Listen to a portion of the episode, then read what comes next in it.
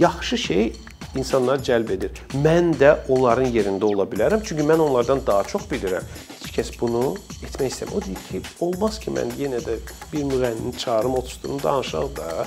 İnsanlarımız, e, xüsusilə ziyalı adamlarımız var və onların abrına bükünüb bəzən söz sahibi olmaması hələ o demək deyil ki, o övladını proseslərdən qıraqda görür. O övladını ən öndə görmək istəyir. Bunu etmək ümumiyyətlə mənə inqilabi bir şey kimi görünürdü.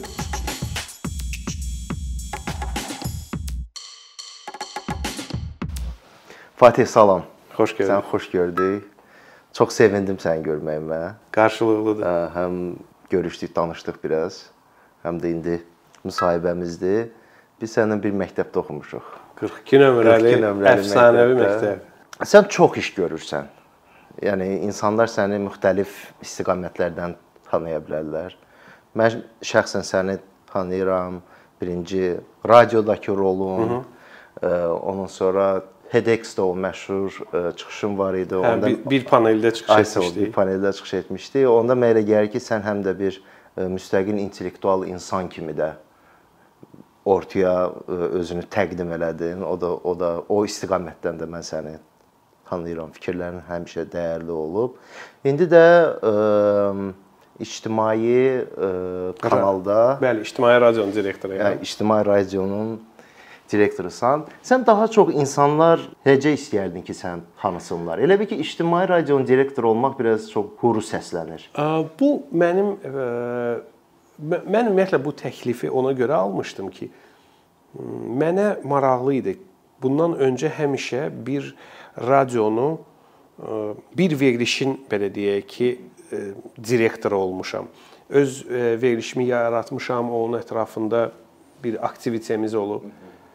Sonra Media FM-də işləyəndə fürsət yarandı ki, mən radionun baş prodüseri olum və onların məzmun yaradıcılığı ilə bağlı məsələlərdə yaradıcı direktor rolunu bir növ oynayım da mən işim yaradıcı prosesləri idarə etməkdir. İctimai radio ilə bağlı isə burada quruculuq işi, yəni birincisi işin əhəmiyyətli hissəsi görülmüşdü.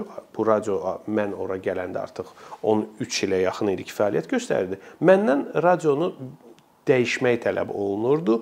Onu biraz e, belə deyək ki, daha çevik etmək və e, dinləyici istəklərinə daha yaxın etmək idi. E, dinləyici istəyi deyiləndə burada nə nəzərdə tutulur? Biraz burada açsaq onu. İzah eləyim. O ana ictimai radio bir qədər köhnəlmiş sanki görünürdü yenilikçi görünmürdü. Tərtibat baxımından, məzmun yaradıcılığında ölçü vahidi e, yəni ki, heyf ki itirilmişdi. Çünki misal üçün efirdə payı böyük olmalı olan şeylər balaca ölçüdə edilə bilərdi.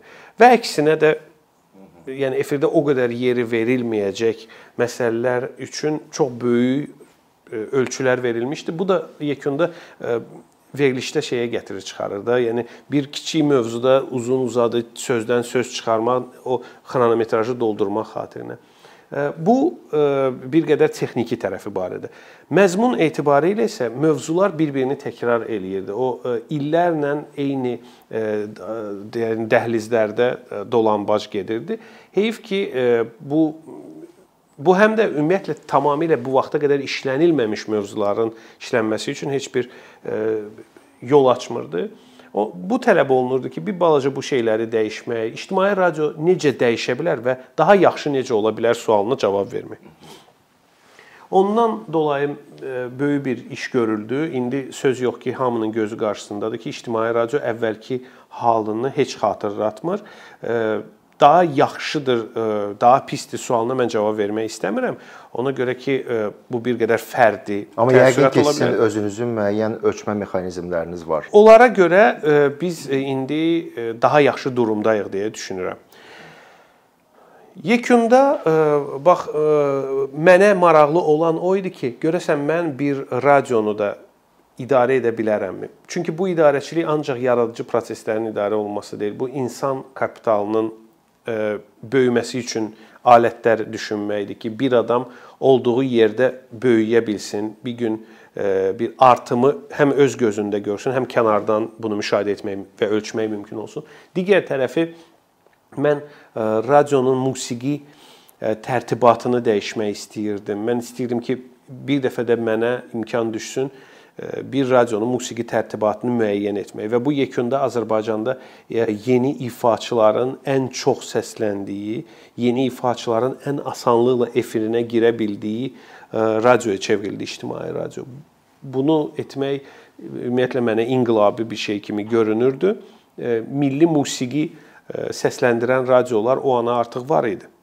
Amma 2 il bundan öncə hansısa yeni ifaçının belə rahatlıqla öz trekini radioya verə biləcəyi mümkünsüz görünürdü. İndi bu daha rahat bir mexanizm əldə eləyib və xoşbəxtəm ki, o adamlar bizə adətən geri dönüş edərkən birinci dedikləri olur ki, mən heç vaxt düşünməzdim ki, mənim gecə-gündüz üzərində işlədiyim mahnı belə asanlıqla bir gün radioda ən çox səslənən mahnıya çevrilə bilər.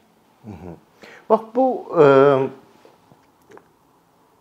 yəni ictimai radionun direktoru Bundan başqa eyni zamanda sənin özünün müstəqil olaraq apardığın verilişlər var. Hə, o mənim e, fəaliyyətimin çox xoşladığım tərəfidir. Bu əksəriyyəti intellektual oyunlar üzərindən yaranmış verilişlərdir. Yəni qısa olaraq istərdim birincisi deyərdin ki, vaxtı necə tapırsan bütün bunlara? Ha, yəni o... bura gəlməyə də vaxtın oldu. Deyim sənə. Bilirsən, mənim əsas fəaliyyətim radiodadır. Yalnız ilin müəyyən günlərində Aha. biz e, misal üçün 3-4 günlük Biz bunu Crystal Hall-a köç deyirik. Crystal Hall-a köçürük. Çünki Aha. çəkilişlərimiz orada baş tutur. Bu böyük e, studiyaların qurulması üçün indi ən rahat yerlərdən biridir. Biz ora köç edirik və 3 gün oradan çıxmadan 3-4 e, aylıq verilişlərimizi çəkə bilirik. E, ildə 2 dəfə bunu edirik və mövsüm-mövsüm çəkirik. Məsələn, növbəti illərdə biz 1 ilin materialını bir neçə gündə çəkməyi planlaşdırırıq ki, bu da mümkündür. Misal üçün branding verilişi Tamaşaçılar həftədə birinə baxır, amma biz çəkəndə bir gündə 6 həftənin verilişini çəkə bilirik. Ki bu da yekunda bizə vaxt tutmağa imkan verir. Çünki hər həftə məsəl üçün mənim çəkdiyim veriliş Fatehin divanıdır və o mənə məni gücümü çox sovurur. Çox vaxtımı aparır, hazırlıq, o həmsöhbətlərlə danışmaq üçün mən sıradan bir necəsiz, nətərsiz, nə edirsiniz, planlarınız deyib sağollaşmaq istəmirəm adamlarla. Ona görə o biraz mənim gücümü alır və orada mən hiss eləyirəm ki, doğrudan da əvvəlcədən hazırlamış. Çünki tək mən o işi görmürəm axı. Redaktorlar sualları hazırlayır. Son bir neçə gündə biz haz sürətli belə hazırlıq prosesi yaşayırıq və 3 gün çəkilişə girib çəkib çıxırıq. Bu o qədər mexanikləşib ki, 17 mövsüm ərzində, yəni bu 8 ildən uzun müddəti nəzərdə tutur. Bu müddət ərzində bir dəfə də hər hansısa bir sapınmalı və yaxud da plandan kənar e, çəkiliş günü elan olunmayıb. Həmişə hər şey qrafik üzrə, vaxtı-vaxtında baş tutub. E, əgər doğrudan da bu nizamı əldə etmək mümkünsə, daha çox iş görmək mümkündür. Və mənim daha çox iş görməyə vaxtım da qalır. E, sadəcə bir dənə qalır tənbəlliyi dəf etmək. Odur o, o tənbəllik məsələsi də mən deyərdim ki, bizi hardasa həm də bizə insan olduğumuzu xatırladan bir nüansdır. Hə, o, o tərəf elədir. Biz də insanıq. o da elədir. Fatih, sən bu çoxsaylı gördüyün işlər arasında mən istəyərdim ki, müsahibəmizdə intellektual oyunlar üzərində qalaq. İntellektual oyunlar e, deyəndə bizim izləyici olaraq gördüyümüz mənzərə var. Suallardır, suallara cavab verilir istedadlı uşaqlardır orada, istedadlı aparıcıdır. Bir də e, orada bizim görmədiyimiz nüanslar var. Xüsusilə intellektual oyunların necə deyim, ictimai prosesə təsiri, düşüncə prosesinə təsiri. Bir də başqa bu pərdə arxası məqamlar var ki, intellektual oyunlarla bağlı biz onları görmürük. Amma Və nəticə etibarilə qarşımızda bu cür bir setup olur. Yəni bu görüntü olur. O Onunla bağlı zəhmət olmasa rahat. Mən o barədə danışa bilərəm çünki e, gördüyünüz verilişin doğrudan da e, səhnə pərdə arxasında qalan hissəsi e, verilişin özü qədər maraqlıdır. Çünki dediyim kimi 8-9 il bundan öncə intellektual oyunların televiziyaya ayaq açması az qala mümkünsüz idi. Biz Brain Ring-ə başlayanda hamı deyirdi ki, Bu siz hansı dövr idi? 8-9 il bundan əvvəl ən reytinqli verilişlər ölkəmizdə nigah qurmaq haqqında o bizim belə deyək də ictimaiyyətin ziyalı qisminin lağa qoyub baxmadığı verilişlər idi ki, haqlı idilər. İndi də bu mövqedə qalmaqlarında haqlıdırlar ki, bu verilişlər məişət haqqındadır və hər kəsin öz məişəti olursa, özgəsinin məişətinə niyə baxsın? Ona görə də e, bu cür verilişlərin o zaman yaranması təəccüb doğururdu ki, bu kimin üçündür? Bu niyə lazımdır? Bu nə verəcək? Bizim veriliş, mənim apardığım brendinq verilişindən öncə teleməkanda olan intellektual verilişlər iki qismə bölünürdü. Yəni hansısa intellektual yarışmalar var idi. Bu yarışmalar çox önəmlidir başa düşmək ki, misal üçün siz milyonçu yarışmasına baxmısınız da. Milyonçu yarışmasını mən sona qədər intellektual yarışma adlandırmazdım. Bu şans oyunudur və orada sənin intellektin sənə kömək ola bilər. Bir də var, misal üçün nə harada nə zaman oyunu hamının Rusiya telekanallarından tanıdığı və müəyyən sahədə dünya görüşü, hətta deyərdim geniş dünya görüşü, bütün sahələrdə az qala akademik biliklər tələb edən E, bir oyun. O oyunda öz növbəsində bizdən öncə Azərbaycanda oynanılmağa başlandı və o oyun e, bundan öncə yalnız sportivnaya ştokdekagda deyirlər. Yəni e, idman nə harda, nə zaman, yəni idman üslubunda oynanılırdı. Böyük çempionatlar. Yəni bir deyək ki, onlarla masa, bəzən 100-ə qədər masa arxasında oynayan yüzlərlə gəncin böyük bir cədvəldə sıralanması, kimin daha çox suala cavab verməsi həvəsi, yəni idman sözü oradan gəlib ki, bir e, vahid vaxt ərzində daha çox insan oynayır və onların oyunu televiziyadakı kimi yalnız 6 nəfərin oyunu deyil. Bu 6 nəfərin əyləşdiyi yüzlərlə masanın bir-biri ilə yarışmasıdır. Yekunda bir komanda daha çox suala cavab verdi deyə qalib qalır. Branding elə bir zamanda gəldi ki, bunun üçün zəmin çox az idi. Oynayacaq komandalar güclə formalaşırdı. Və o zaman daha çox rus dilli camiyə oyunun əsas auditoriyası idi, oyunçu auditoriyası idi. Bunu necə izah edirəm? İş ondadır ki, o zaman rus dilli klublar Azərbaycan dilli intellektual klublar üzərində bir üstünlüyü var idi. Bu da sadəcə olaraq intellektual oyunlara ilk növbədə rus dilində təhsil alan uşaqların qatılmasından idi. Çünki zaten hamının baxıb bu oyunları gördüyü Rusiya telekanallarında oyunlar rusca oynanılırdı. Uyğun olaraq sanki bir köynə rus dilli məktəblilər daha yaxın idilər.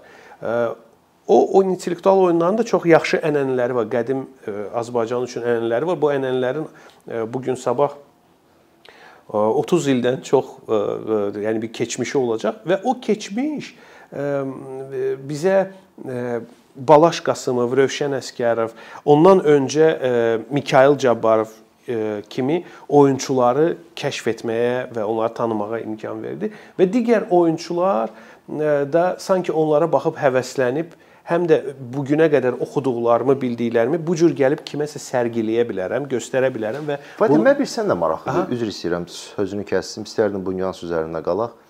Yəni necə oldu ki, institusional yaddaşı rus dili ilə bağlı olan, ənənə olaraq rus dilli icmasını hədəfləyən bu intellektual oyun o keçid necə baş verdi ki, bu həm də Azərbaycan dillilərin e, intellektual oyununa çevrildi. Çox gözəl. Məsələ ondadır ki, e, ən çətin məqam ondan ibarət idi ki, ilk dəfə kimisə inandırmaq ki, bu oyunu Azərbaycan dilində də oynamaq olar.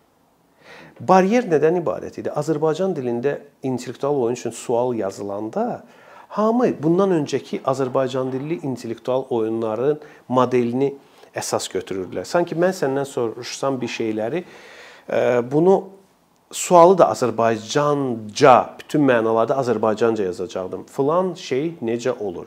Bunun adı nədir?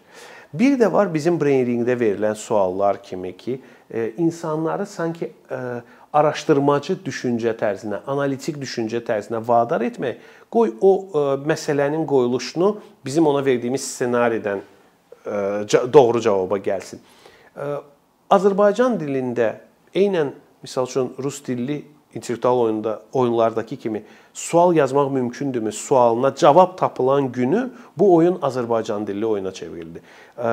Müəlliflər yazmağa başladılar, fərqli janrlarda belə suallar yaratmağa başladılar. O proses xodlandı. Televiziyaya bu oyunun gəlişi bu prosesi çox sürətləndirdi.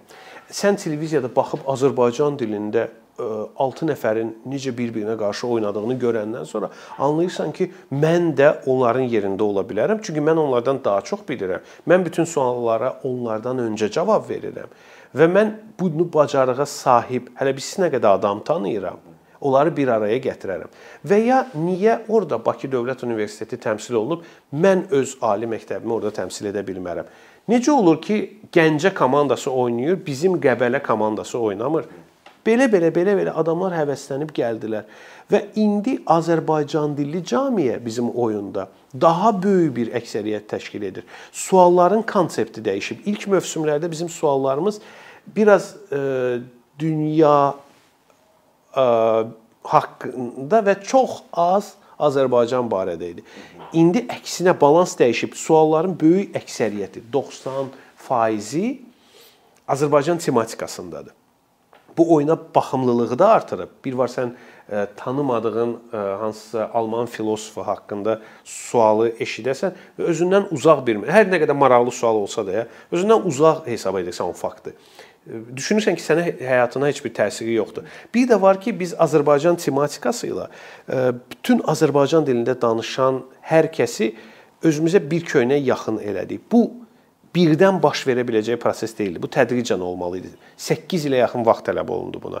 Tam Azərbaycan dilində də Azərbaycanla bağlı, daha doğrusu suallar verməyi də mən sona qədər hələ doğru hesab etmirəm ona görə ki, bu oyuna baxan adamlar həm də bir də dünyada nəyin baş verdiyini oradan öyrənə bilərlər. Niyə olmasın ki? Niyə o bilməsin ki, misal üçün Yaponiyada e, insana hörmətin əlaməti olaraq bir adamın digəri qarşısında təzim bucağı ilə müəyyən olunur ki, mən sənin qarşısında nə qədər dərin təzim edirəmsə, bu mənim sənə olan ehtiramımı bir o qədər daha aydın ifadə edir. Bilsin, bunu başqa hardan biləcək ki? Bu da çox vacibdir ya. Çünki bu kimi şeyləri bilmək üçün nə çox mənbə var Azərbaycan dilində. Ha budur. Bəs e, yəni bu e, fikrinə mən əlavə eləmək istəyərdim. Nəyə görə mənə elə gəlir ki, həm regional, həm də beynəlxalq bilik dairəsinin genişləndirilməsi vacibdir. Hı -hı. Çünki indi dünya bir-birinə daha çox bağlıdır, daha çox əlaqəlidir və bir dənə çox kiçik bir məkanda deyək ki, Azərbaycandan Azərbaycan kimi kiçik hansısa bir məkanda ictimai proseslər olsun, istər iqtisadi olsun, yəni bir çox sahələr, hətta təhsil olsun, orada regional və beynəlxalq olaraq baş verənlər, indiyənə kimi olan tarixi gəlişmələr, e, onlar özü çox ciddi təsir eləyir. Hə. Ona görə mən səninlə razıyam ki, orada ə, yaxşı olar ki, biz tək o ingilislər deyir inward, yəni ki, ancaq içəri özümüzə yo, baxaraq yo, yo. inkişaf eləməyək, həm də belə xaricə müəyyən bir Doğru. pəncərəmiz olsun. Doğru. Ə, Fatih, nəyə görə məs 6 nəfər? Am. Yəni o stol ətrafında 6 nəfər olur. Çox yaxşı sualdır. E, çox yaxşı sualdır. Məsələ nədədir? Məsələ ondadır ki, bu oyunları düşünərkən breyninqi misal üçün düşünərkən ştok dekaqda yaradıcıları onu düşünüblər və nə harada nə zaman oyunun yaradıcıları da bu oyunu düşünərkən psixoloqlarla məsləhətləşiblər. Hı -hı. Suallar necə olmalıdır? Oyunçularda bu oyuna rəng qatan hansı xüsusiyyətlər var? Onun rolu nədir oyunçunun? Sadəcə suala cavab vermək, yoxsa bir başqa rəng də qata bilər? Biz onu sınağa çəkirik, yoxsa bu maraqlı birgə vaxt keçirmə formulasıdır. Nədir bu? 6 nəfər isə e, belə qəbul olunub ki, e, masa arxasında ola biləcək və diskussiya qura biləcək maksimal insan sayı kimi qəbul olunub. Psixoloqlar deyir ki, 7-ci e, adam bu cür diskussiyanı yalnız e, zəiflədə bilər. 6 adam o rəqəmdir ki, 6 fərqli personaj o rəqəmdir ki, e, diskussiyanı daha dolğun etmək üçün, hər tərəfli etmək üçün, rolları bölmək üçün bəs edir. Çünki bizim oyunda rollar bölünüb. Kapitan var, düymə sıxan var, O deyir ona ki, sıx cavabımız hazırdır.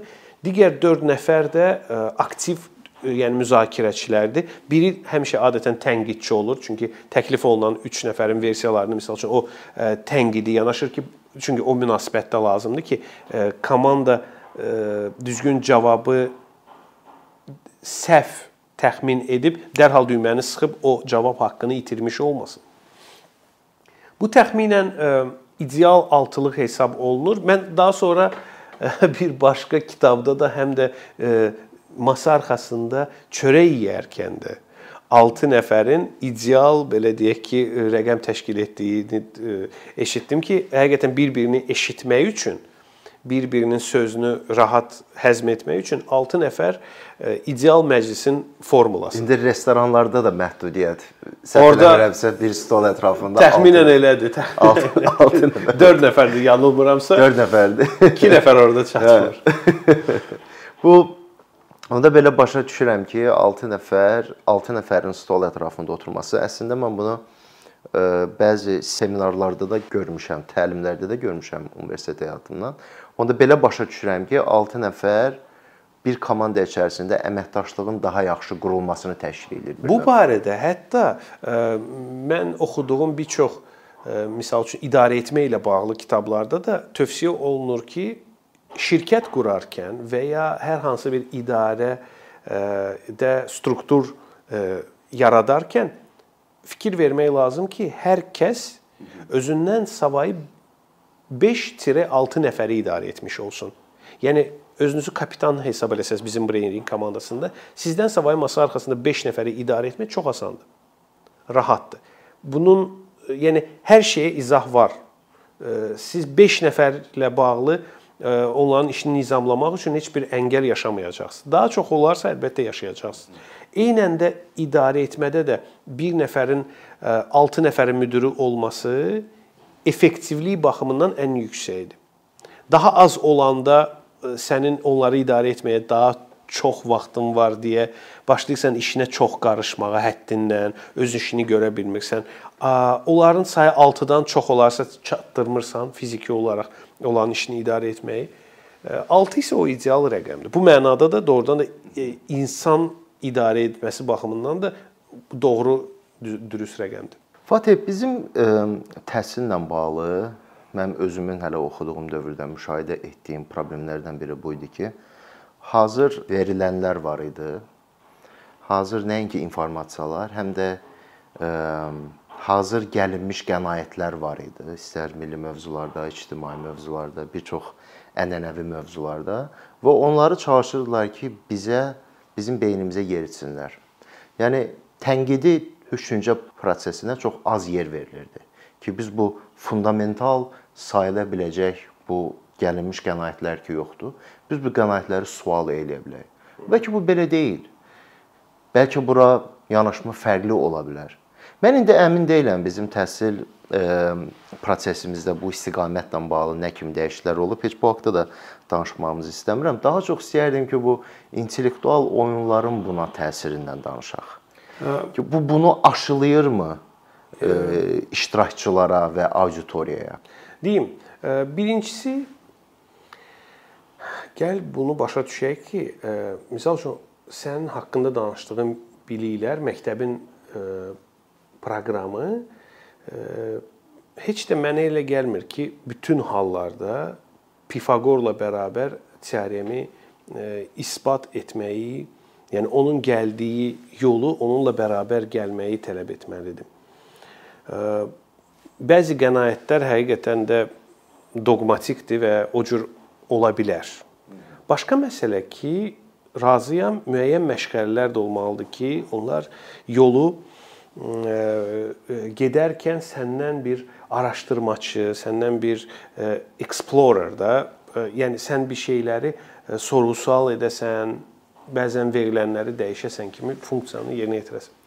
İntellektual oyunlar zaten elə o çərçivədən çıxmış adamların oyunudur ki, onlar yalnız onlara verilənlərlə kifayətlənməyib, bu sahədə biliklərini biraz da genişləndirmək üçün nəsə oxuyublar.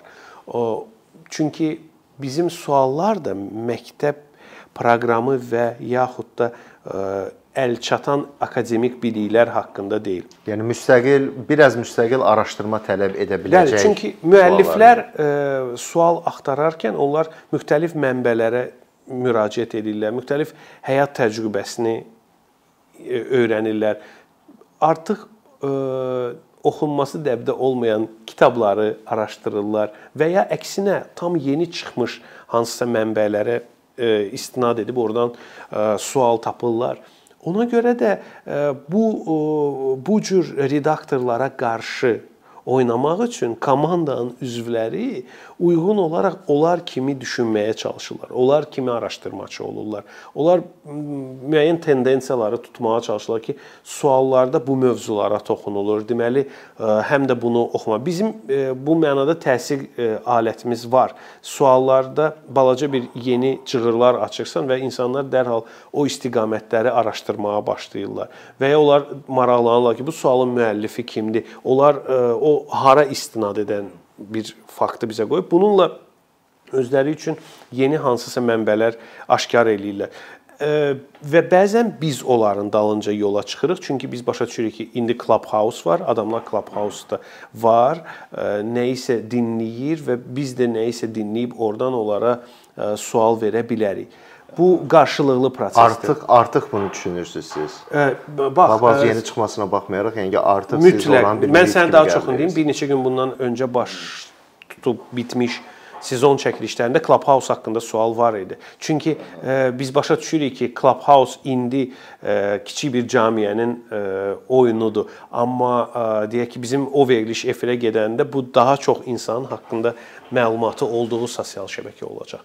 Və sər və axır, yəni bu kimi şey misallar çoxdur. Koronavirusla belə olmuşdu ki, e, biz çəkiliş edəndə il o zaman bir il bundan öncə koronavirusun yeni-yeni ayaq açdığı dövr idi.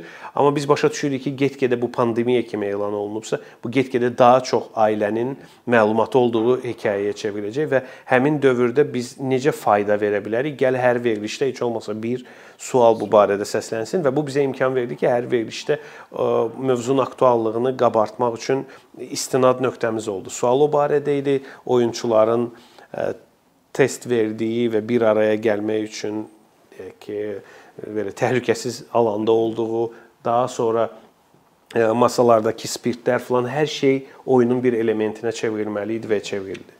E, araşdırmaçılığa gəldikdə isə sonda bir yekun buna deyim ki, söz yox ki, bu oyun e, yalnız ona qarşısına qoyulan kitabı oxumaqla kifayətlənən adamların oyunu deyil bu dəqiq.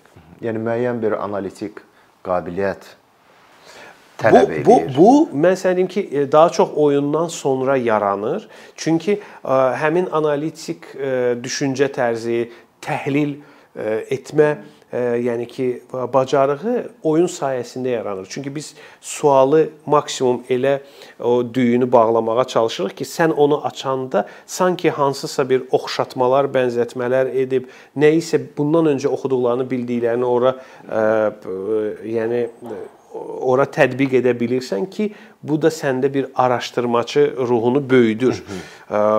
Bunun dəqiq, yəni işləyən formulu var və bu bu cür edilir. Çünki sual da bizdə e, belə sadə ola bilməz. O səndən bir iki gediş heç olmasa etməyi tələb etməlidir ki, bir şeyi yadına salasan, əlaqələndirib və doğru cavabı verəsən. Təxminən belə. Fatih, dünənləri bir e, verilişə baxırdım. Daha doğrusu verilişə baxmırdım. Çalışırdım anlayım ki, mən auditoriya olaraq, izləyici olaraq bundan nə öyrənə bilərəm də. Bir neçə belə müğənnidir gəliblər, bir aparıcıdır Nəsə orada belə çox ə, e, sən demiş belə aşırı məişət kontenti zəngin olan mövzular müzakirə olunur. Kimsə toy olacaq, ona xoşbəxtlik arzulayır falan. Yəni ilk baxışdan görürsən ki, hə, deyək ki, kontentin içərisində kimsə öldürməyə səslənmir, kimsə kiməsə qarşı zorakılığa səslənmir, eləmir, amma olduqca belə bəsit, keyfiyyətsiz, bəsit, bayağı yəni adam düşünür ki, Bunu zaten insanlar öz həyatlarında yaşayırlar. Hı -hı. Hər bir nəslin, hər bir ailənin içərisində bunu adətlərə görə, ənənələrə görə keçirsən də, televiziyaya nəyə görə gəlsin bu? Bu arada məndə belə bir sual var idi ki, izləyici olaraq bu mənə necə təsir eləyir? Məsələn, mən o anda əsəbləşdim. Amma eyni zamanda anlayıram ki, bir çox izləyicilər də ola bilər ki, onlar orada bir rahatlıq tapsınlar, bir komfort tapsınlar. Əlbəttə, misal üçün Aha. bu cür məişət məzmunlu verilişlərdə adamların tapdığı rahatlığın adı var, izahı var. Onlar ə, deyək ki, kimsə özü üçün rol model seçir. Kimsə Hı -hı. baxır və deyir ki, "A, mən də istəyirəm ki, övladımın toyu indi orada öz toyu haqqında danışan, ə, misal üçün yaradıcı ə, adamın toyu kimi olsun." Gör necə maraqlı bir şeydən danışır o toyunda çox bahalı bir avtomobildə gəlinini gətirməyi planlaşdırır. Mən də istəyirəm ki, məndə belə olsun. Ən azı mən deyə bilim ki, filan kəsin toyunda olduğu kimi. O verilişlərdə ki, sən o ağı ağlayan belə hekayələr eşidirsən, bu verilişlərin rolu bir başqadır ki, onlar da xidmət edir, onu daha doğrusu bəlkə ona xidmət etmir, yekunda elə alınır ki, mən o verilişə baxıb düşünürəm ki, a bu Valla e, şeydir, mənim dərdimə nə var ki, cəmaatın qızını alıb e, gətiriblər evə, döyüblər, e, sonra bir zorlama cəhdi olub, sonra da belə filan, indi də uşağı qaytarmalı. Baxsın, ay bizim mənim problemim onun yanında nədir ki, məndə sadəcə ayağımda qribok var və salam, yəni bu adam gör nə çəkir. Təxminən bu bu cür işləyir. Yəni e, heyf ki, bunu istehsal edən e, məzmun istehsalçısının yaradıcılığı bu qədərdir, bu bu boydadır. Yəni Bu sən indi verdiyin nümunə deyək ki, hardasa bir ibrətamiz nümunədir. Çünki insan bir empati hissi duyur da orada. Zorakılıq qurbanı olmuş bir adamdan özünün xırda ağrısını müqayisə edir və bir empati hissi duyur. Mənim e, nəyə gəlmək istəyirəm bu sualımla? Daha doğrusu bu geniş e, fikrimlə. Ona gəlmək istəyirəm ki, siz e, televiziya məhsulu ortaya qoyan insanlar kimi və yaxud da radio məhsulu ortaya qoyan insanlar kimi, məsəl üçün spesifik olaraq intellektual oyunlar haqqında danışa bilərik. Sizin hansısa ölçü mexanizminiz varmı ki, bu verilişlər auditoriyaya necə təsir eləyir? Hansı emosional dəyişikliklər yarada bilir? Hansı intellektual dəyişikliklər yarada bilir? Deyim. Mhm, buyur, buyur. Bizim hiss etdiyimiz və ölçdüyümüz əgər sən də bu işi görsəydin, yəqin ki, başqa alətin olmayacaqdı ki, sənin misal üçün bizim qoyduğumuz hansısa meyarlar odur ki, tutaq ki, daha çox Azərbaycanda cəmi 6% bildiyim qədərilə məktəbli rus bölməsində təhsil alır. Bəlkə biraz çox. Qalan hamısı Azərbaycan bölməsində təhsil alır və bir zamanlar rus bölməsinin daha çox oynadığı oyunu və insana fayda verən oyunu biz Azərbaycan bölməsində oynaması üçün oyunu daha Azərbaycan dilli etdik. Çünki bu fərdi inkişaf alətlərindən biridir. 100 belə alət var. Bu biri belə götürək. Və bu aləti istifadə edib böyümək istəyən Azərbaycan dilli auditoriya özünü dərhal göstərdi. Yaxşı şey insanlar cəlb edir. Yaxşı şey valideyni oğlum mən istəyirəm sən də bu oyunda oynayasan sözünü deməyə məcbur edir. Ola bilməz. İnsanlarımız, xüsusilə ziyalı adamlarımız var və onların sadəcə belə deyə abrına bükünüb bəzən söz sahibi olmaması hələ o demək deyil ki, o övladını proseslərdən qıraqda görür. O övladını ən öndə görmək istəyir, qalib qismində ağıllı, kamallı, analitik düşüncə tərzinə sahib. Onu orada görmək istəyir. Və ona görə də bizim e, misal üçün ilk alətimiz birinci dəfə onda tərəzimiz istədiyimiz rəqəmi göstərdi ki, 8 il ərzində Azərbaycan dilli auditoriya oyunlarımızın oyunçu yəni ki, kreslolarında göründü. Bu artıq bir göstərici idi. İkinci göstərici o idi ki, bu oyun çox qısa zamanda özünü doğruldaraq təhsil müəssisələri arasında belə gözə görünməz yarışın alətinə çevrildi. Daha çox məktəb istəyir ki, onun şagirdləri intellektual oyunlarda təmsil olunsun. Tək brainstorming yox, əlaçıda olsun misal üçün. Orada da təmsil olunsun, məhz mənim məktəbimin adı çəkilsin. Məhz misal üçün biz səninlə oxuduğumuz dövrdə müəllimin uşağa edəcəyi dərsdən savayı yatırımı necə ölçə biləcəyi ilə bağlı heç bir alət yox idi. O bunu bu distansiyanı uzun görürdü. Düşünürdü ki, nə vaxt bu bu mən buna kitab oxutdursam, bu mütaliəli olduğunu harda, haçan göstərəcək, kimə göstərəcək? Ya bu mən, buna nə verəcək? Nə verəcək? Mən onu harda hə. ölçə biləcəm? İndi isə bu yatırımı etməklə, e, bununla məşğul olmaqla, buna vaxt sərf etməklə o cəmi bir neçə ay, bir neçə ildən sonra öz şagirdini e, hansı televiziya yarışında ona salam göndərən görür və bu məsafə qısalır. Bu bu çox ə, yaxşı alətdir. O mənada ki, bu müəllimi də motivasiya edir ki, a, onda mən bu vaxtı sərf etməyə hazıram. Ə, digər tərəfdən ölçə bildiyimiz ə, alətlərdən biri də odur ki, bu daha çox məktəblinin indi oynadığı oyuna çevrilib. Bizim e, mənim özüm bitirdiyim məktəbdən məni bir dəfə çağırdılar ki, uşaqlar brendinq yarışına hazırlaşırlar məktəblər arası. Sən bu komandanın, bizim məktəbi təmsil edən komandanı hazırlaşdıra bilərsənmi? E, xoşbəxtlikdən yarışları mən aparmırdım. Xoşbəxtlikdən e, onların yarışacağı turnir yekunda misal üçün mənim apardığım verilişlərə yol açmırdı deyə bu sadəcə bir yarış idi mən onlara kömək edə bildim və o köməkliyim o uşaqlara onda idi ki, sualların hər dəfə bir sualı oynayandan sonra mən onlara başa salmağa çalışırdım ki, bu sualı cavab vermək üçün bir hansı keyfiyyətlərə sahib olmalısan, iki doğru cavaba yolu necə qısalda bilərsən. Çox yaxşı bir təcrübə olmuşdu mənim üçün də. Çünki ilk dəfə idi ki, mən hansısa komandanın məşqçisi sanki rolunu öz, öz məktəbinin. Özdə öz məktəbimin və xoşbəxtlikdən hə, bu öz məktəbim olmuşdu. O fürsətə görə məsəl üçün mən məktəbimizin direktoru Firəngiz xanıma təşəkkür edirəm ki, o bu fürsəti məhz mənə yaşatmışdı. Mənim üçün də maraqlı, mən də götürdüyüm, öyrəndiyim bir şey oldu. Fatih və son olaraq soruşmaq istəyirəm. Azərbaycan ə, televiziya və radio məkanında özünün mütləq həll edilməsi vacib olan gördüyün iki problem. Hmm. Gəl mən bunu problem kimi qoymayım. Mən bunu hansısa indi hiss etdiyim e, qorxular kimi qoyum. Bir qorxu ondan ibarətdir ki, e, bir çox kanallar e, məzmun yaradıcılığında daha intellektual məzmun yaradıcılığını özləri üçün sona qədər uduşda hesab etmirlər. Onlar ehtiyat edirlər ki, bu yekunda onların maddi itkilərinə səbəb ola bilər. Çünki sənin təsvir et, az öncə təsvir etdiyin kimi hər hansısa bir məişət müzakirəsi daha böyük auditoriya yığır. Bu belə deyil. Bu belə deyil. Dünyada buna bir çox misal var ki, bəzən bəzi mövzular haqqında adət etdiyimiz tərzdə yox. Biraz başqa formada danışanda insanlar tibbə də və başqa sahələrə də elmi yəni hansısa bir əsası olan sahələrə, humanitar hansısa məsəl üçün mövzulara daha belə deyək ki, tez yol açırlar.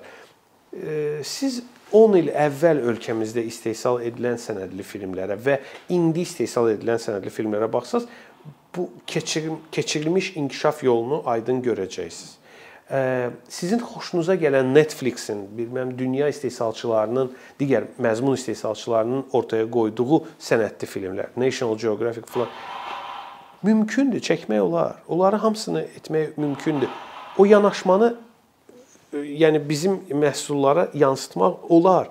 E, sadəcə o yolu getmək uzun bir və əzimli bir e, belə deyək əmək tələb edir. Heç kəs bunu etmək istəmir. O deyir ki, olmaz ki, mən yenə də bir müğənnini çağırım, otururum, danışaq da. Biraz daha çox əmək sərf edincə alınır. 1.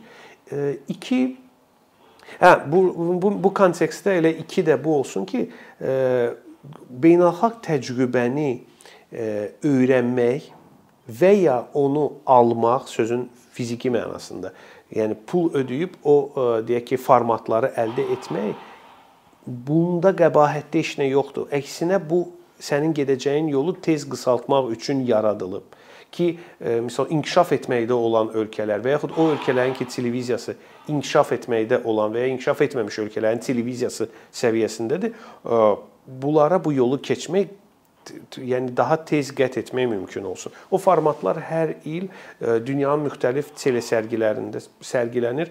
Al, gətir elə və e, dediyim kimi o yolu sıfırdan getmə. Sadəcə biraz bu sahəyə maliyyə və yaxşı idarəçilik gəldiyi an hər şey yaxşı tərəfə dəyişəcək. Fadiyə çox sağ ol gəldiyin üçün. Minnətdaram. Çox maraqlı oldu. Minnətdaram. Təşəkkürlər. Əkinçinin yeni videoları haqqında məlumatlı olmaq üçün kanalımıza abunə olmağı və xəbərdarlıq funksiyasını aktivləşdirməyi unutmayın. İmkandan istifadə edərək cari patronlarımıza işlərimizi davam etməyə yardım olduqları üçün dərin təşəkkürümüzü bildiririk. Əkinçinin Patreon icmasının üzvü olaraq siz bizim təşəbbüsə dəstək göstərməklə bərabər hazırladığımız materialları hər kəsdən öncə izləmə imkanı əldə edəcəksiniz.